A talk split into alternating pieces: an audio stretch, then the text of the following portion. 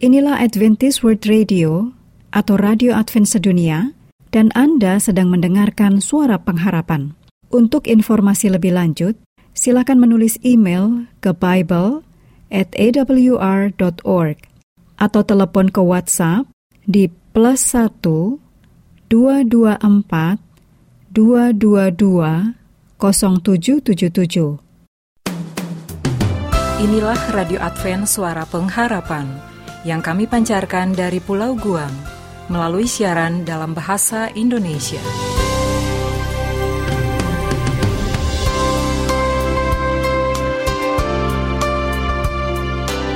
Salam sejahtera kami ucapkan kepada Anda di seluruh Nusantara.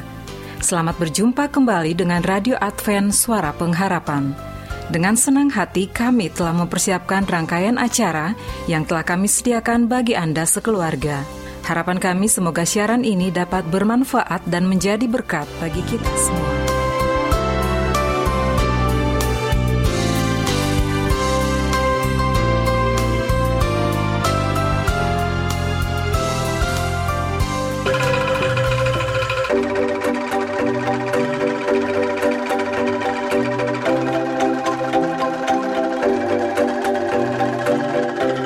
Setia Radio Advent Suara Pengharapan di mana pun Anda berada, terima kasih karena saat ini Anda masih terus mendengarkan siaran kami.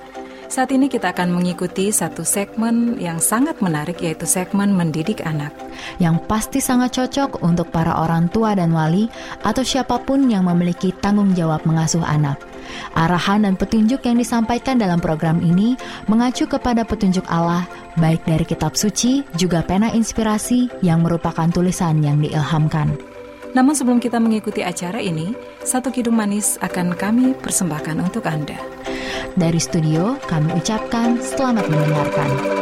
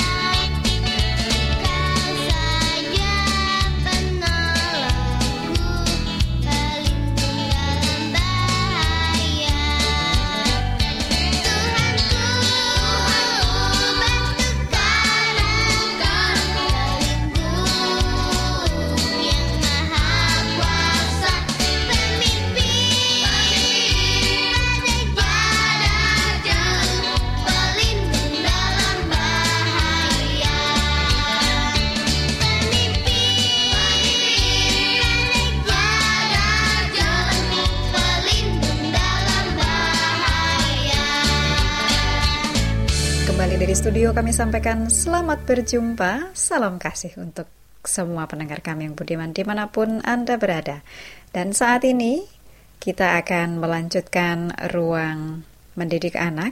Jadi saat ini saya akan dengan senang hati bersama dengan para bapak ibu ya para orang tua yang kami kasihi. Namun bila Anda juga saat ini bersama dengan kami, tetap saja bersama dengan kami. Karena topik yang akan disampaikan ini pastinya boleh juga bermanfaat, baik bukan yang orang tua ya.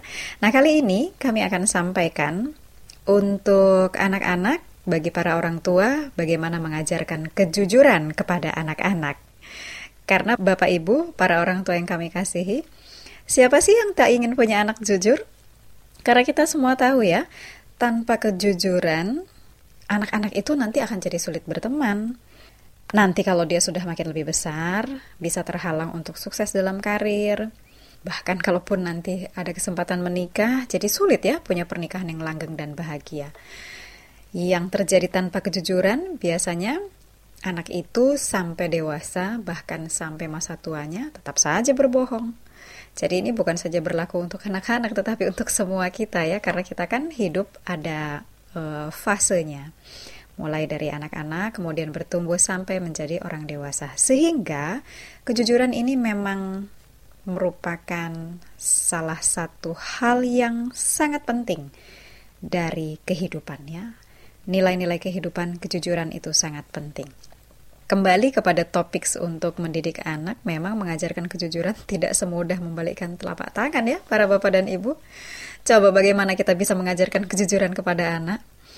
Kalau kita sendiri sering melakukan ini ya, kita minta uh, pengasuhnya lah atau siapa yang biasa menjaga dia untuk tetap menemani anak lalu kita sebagai orang tua mengendap-endap pergi. Karena anak ini biasanya kalau orang tuanya pergi, kemudian dia jadi rewel, menangis dan lain sebagainya.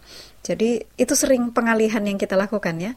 Jadi kita minta pengasuhnya untuk mengalihkan perhatiannya lalu kita mengendap-endap pergi. Nah, ini dia.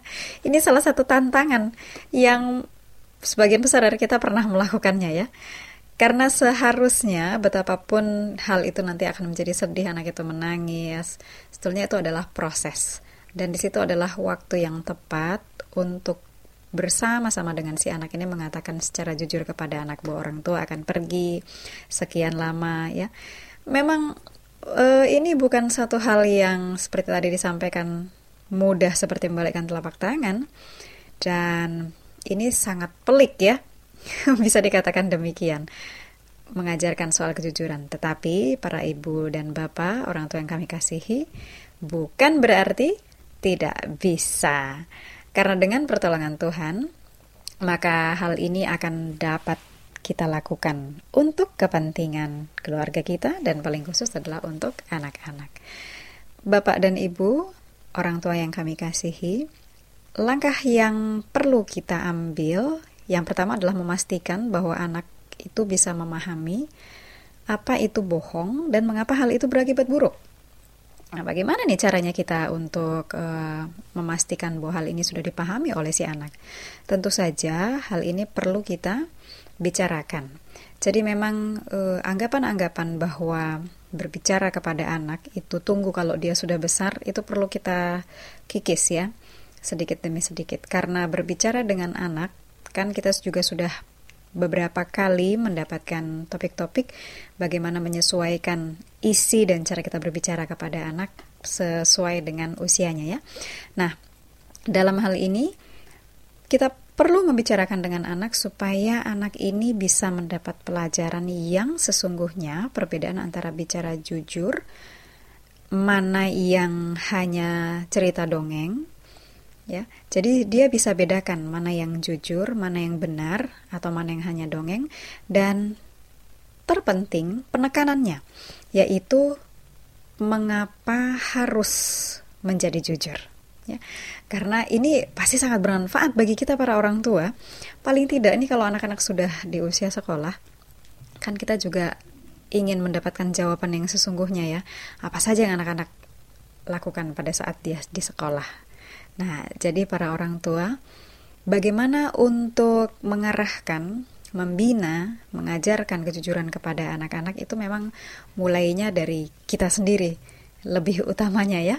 Jadi pada saat kita mengajarkan kejujuran, ya kita sebagai orang tuanya harus jujur terhadap diri sendiri lebih dahulu sehingga ini nanti akan menolong kita untuk dapat berbicara dengan jujur kepada anak-anak supaya mereka bisa membedakan mana itu yang bohong, mengapa hal itu berakibat buruk dan juga mereka memahami dan kemudian dengan pasti menerima bahwa penting untuk menjadi jujur khususnya di dalam kehidupan ini. Ya, itulah para orang tua. Waktu juga yang membatasi kita sehingga kita belum bisa sampaikan eh, langkah-langkah berikutnya untuk mengajarkan anak-anak menjadi jujur, tetapi tetap bersama dengan kami karena nanti pada pertemuan selanjutnya kami akan sampaikan langkah apa lagi yang bisa kita gunakan untuk menolong anak-anak kita, membina mereka untuk mengajarkan kejujuran. Tapi jangan lupa para bapak dan ibu, yang terpenting dan yang terutama. Mungkin ini yang paling pertama. Kita harus jujur terhadap diri sendiri sehingga itu nanti akan menolong kita untuk mengajarkan kejujuran kepada anak kita. Baiklah, pada saat ini kami mengucapkan terima kasih untuk perhatian Anda. Tetap bersama dengan program kami ini dan pada kesempatan berikutnya kita akan lanjutkan beberapa langkah yang bisa digunakan oleh orang tua untuk mengajarkan kejujuran kepada anak-anak. Sekali lagi kami ucapkan terima kasih. Sampai berjumpa kembali pada pertemuan berikutnya. Kiranya Tuhan memberkati kita semua.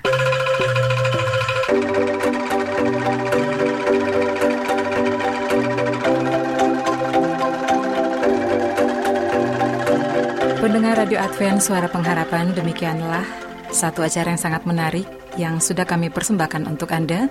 Kiranya ini dapat menjadi penuntun praktis dan bermanfaat bagi tugas mulia yang sudah Allah mandatkan kepada kita. Kiranya acara ini bisa menjadi berkat bagi kita semua.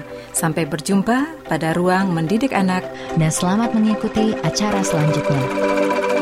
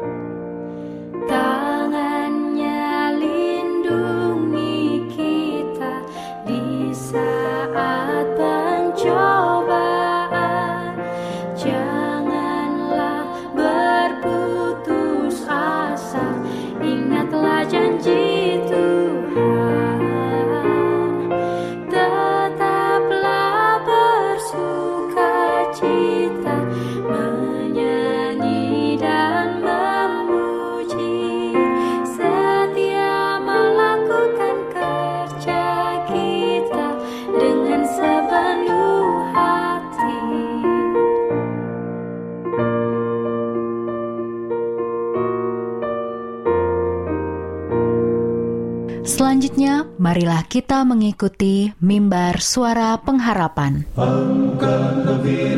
Dan Yesus mau datang segera. Nyanyi musafir dan pujikanlah, Yesus mau datang segera.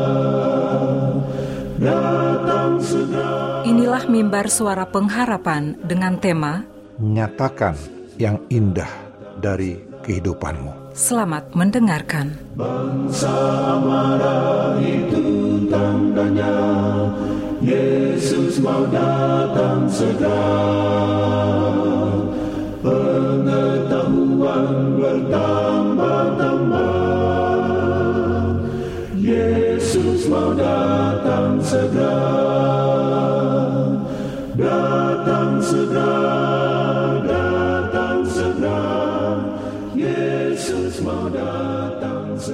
Salam saudaraku yang diberkati Tuhan, kita patut bersyukur saat ini diberikan kesempatan untuk mendengarkan firman Tuhan dalam acara Mimbar Suara Pengharapan bersama saya Pendeta Toga Simanjuntak dengan judul pembahasan kita Nyatakan yang indah dari kehidupanmu. Nyatakan yang indah dari kehidupanmu. Nah, saudara, mungkin saudara berkata, apa yang saya nyatakan? Saya pendidikannya tidak punya yang baik, cuman tamat SMA, pekerjaan saya juga mungkin hanya sebagai katakanlah mungkin office boy saudara bilang ataupun mungkin tukang parkir lalu kemudian rumah saya juga masih kontrak rumah petak, apa yang mau saya sampaikan? Nah, saudaraku, di sinilah kita manusia selalu menempatkan dirinya di dalam kehidupan yang sangat inferior, di bawah. Seolah-olah dia tidak ada arti, seolah dia tidak punya kehidupan yang punya pengharapan. Pada sebagai makhluk ciptaan Tuhan, saudara berhak untuk mendapatkan kehidupan yang layak, yang indah dalam kehidupanmu. Nah, apa yang indah dalam kehidupanmu? Tentunya di saat saudara bekerja, semangat kerja itu. Atau saudara sementara ada di rumah, kasih sayang kepada anak-anak, persahabatan kepada tetangga. Ya, saudara bisa lakukan itu. Dan pertolongan kepada tetangga sekitar saudara. Nah, saudaraku, yang indah dalam kehidupan itu kelihatan dari raut wajah saudara. Jangan terlalu saudara memikirkan kebutuhan yang sangat berat ke dalam hidup saudara. Percaya saudaraku, Tuhan tidak pernah memberikan beban itu melebihi kekuatan saudara. Bekerjalah bekerja, minta selalu pertolongan Tuhan. Minta agar Tuhan mengampuni atas sikapmu di masa lalu yang mungkin saudara selalu rendah diri, tidak mau bergaul, tidak mau minta kepada Tuhan. Minta pengampunan Tuhan, ampuni aku agar aku dapat layak untuk datang kepadamu, meminta pertolongan, dan tolong aku Tuhan.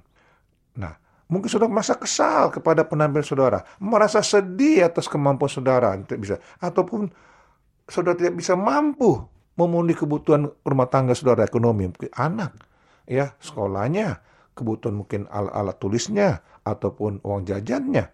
Banyak hal tersebut. Saudaraku, datang kepada Tuhan, minta pertolongan kepadanya. Ya, atas kejengkelan, atas masalah yang kau hadapi. Sehingga, jika saudara melihat kepada masalah-masalah tersebut, saudara akan tidak pernah memperhatikan berkat-berkat ataupun Tuhan sudah memenuhi kebutuhan saudara. Dan saudara akan tidak pernah mengucapkan syukur lagi kepada Tuhan. Seolah-olah apa yang Tuhan sudah kasih itu semua tidak ada artinya dalam diri saudara. Saudaraku, Jangan biarkan kejengkelan itu ada bertumbuh dalam saudara. Karena setiap orang pasti mempunyai sesuatu yang indah, sesuatu yang baik dalam dirinya untuk ditonjolkan.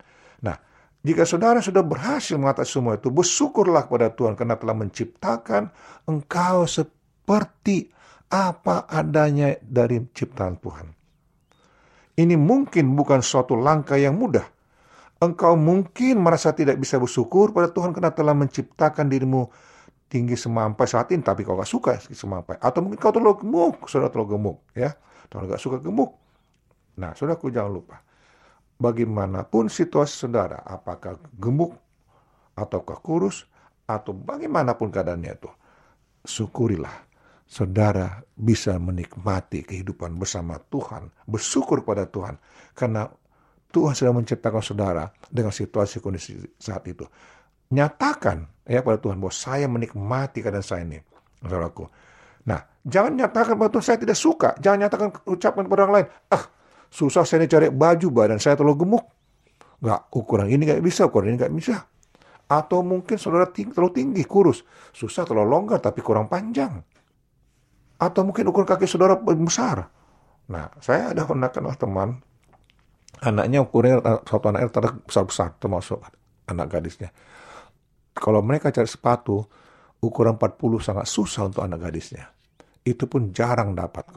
Apalagi kalau minta ukuran 41, pelayan toko itu bertanya aneh rasanya.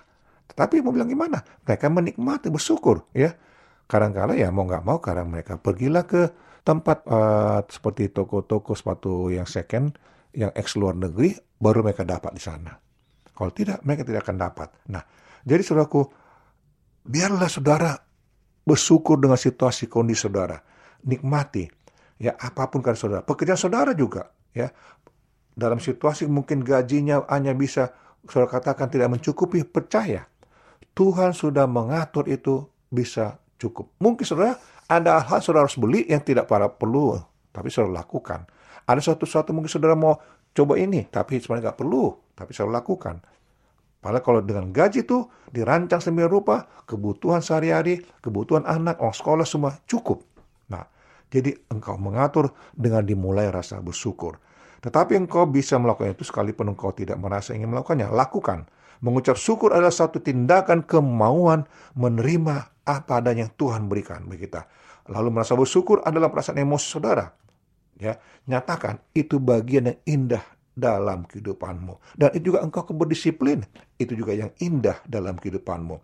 Lalu kemudian berterima kasih baik kepada Tuhan sesama siapa saja. Ya, ke kantor saudara, ya situasi saudara. Jangan biarkan emosi yang memegang kendali kehidupanmu.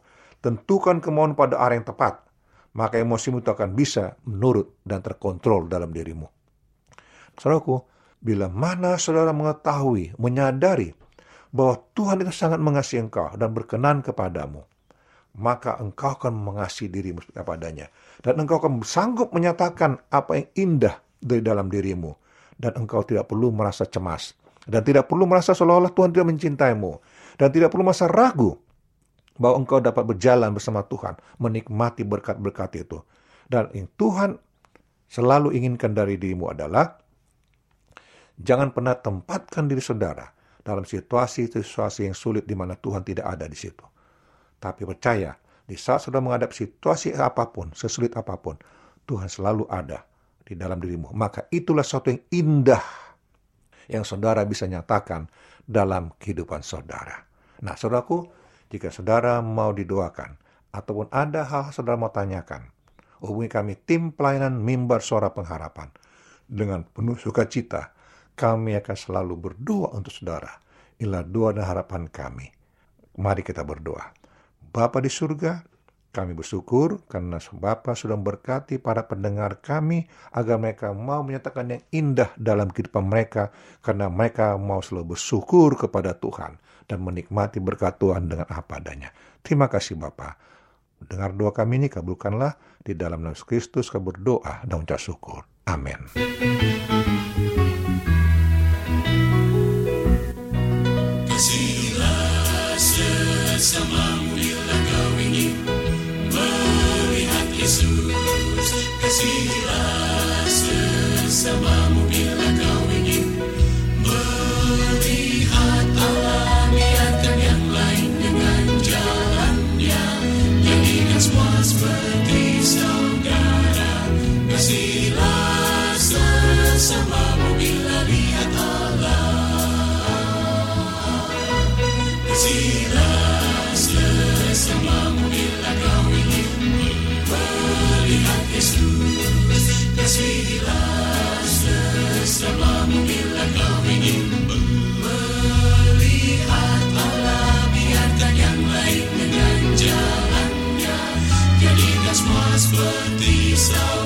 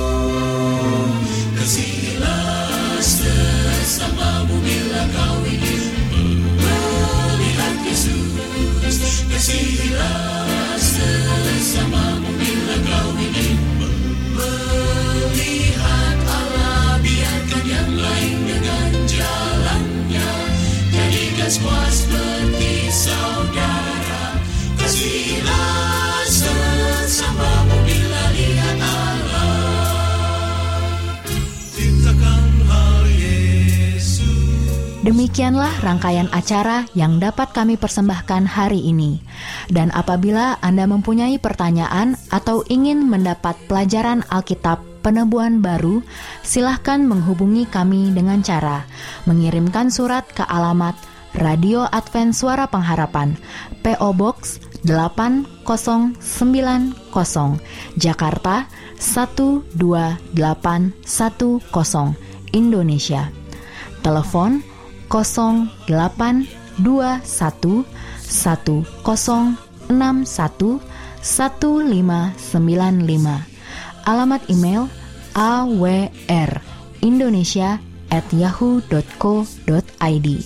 Anda juga dapat bergabung di Facebook kami, pendengar Radio Advent Suara Pengharapan, juga Radio Advent Suara Pengharapan.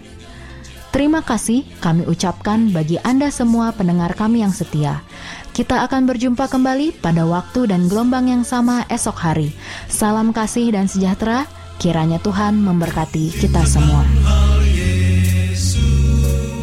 Raja segala raja berkuasa selama-lamanya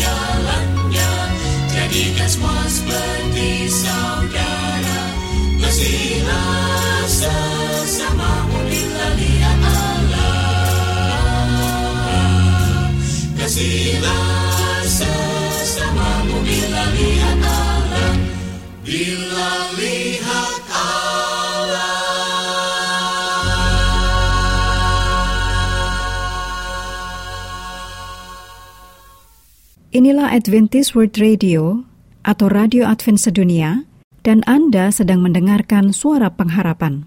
Untuk informasi lebih lanjut, silakan menulis email ke Bible at awr.org atau telepon ke WhatsApp di plus 1 224 222 0777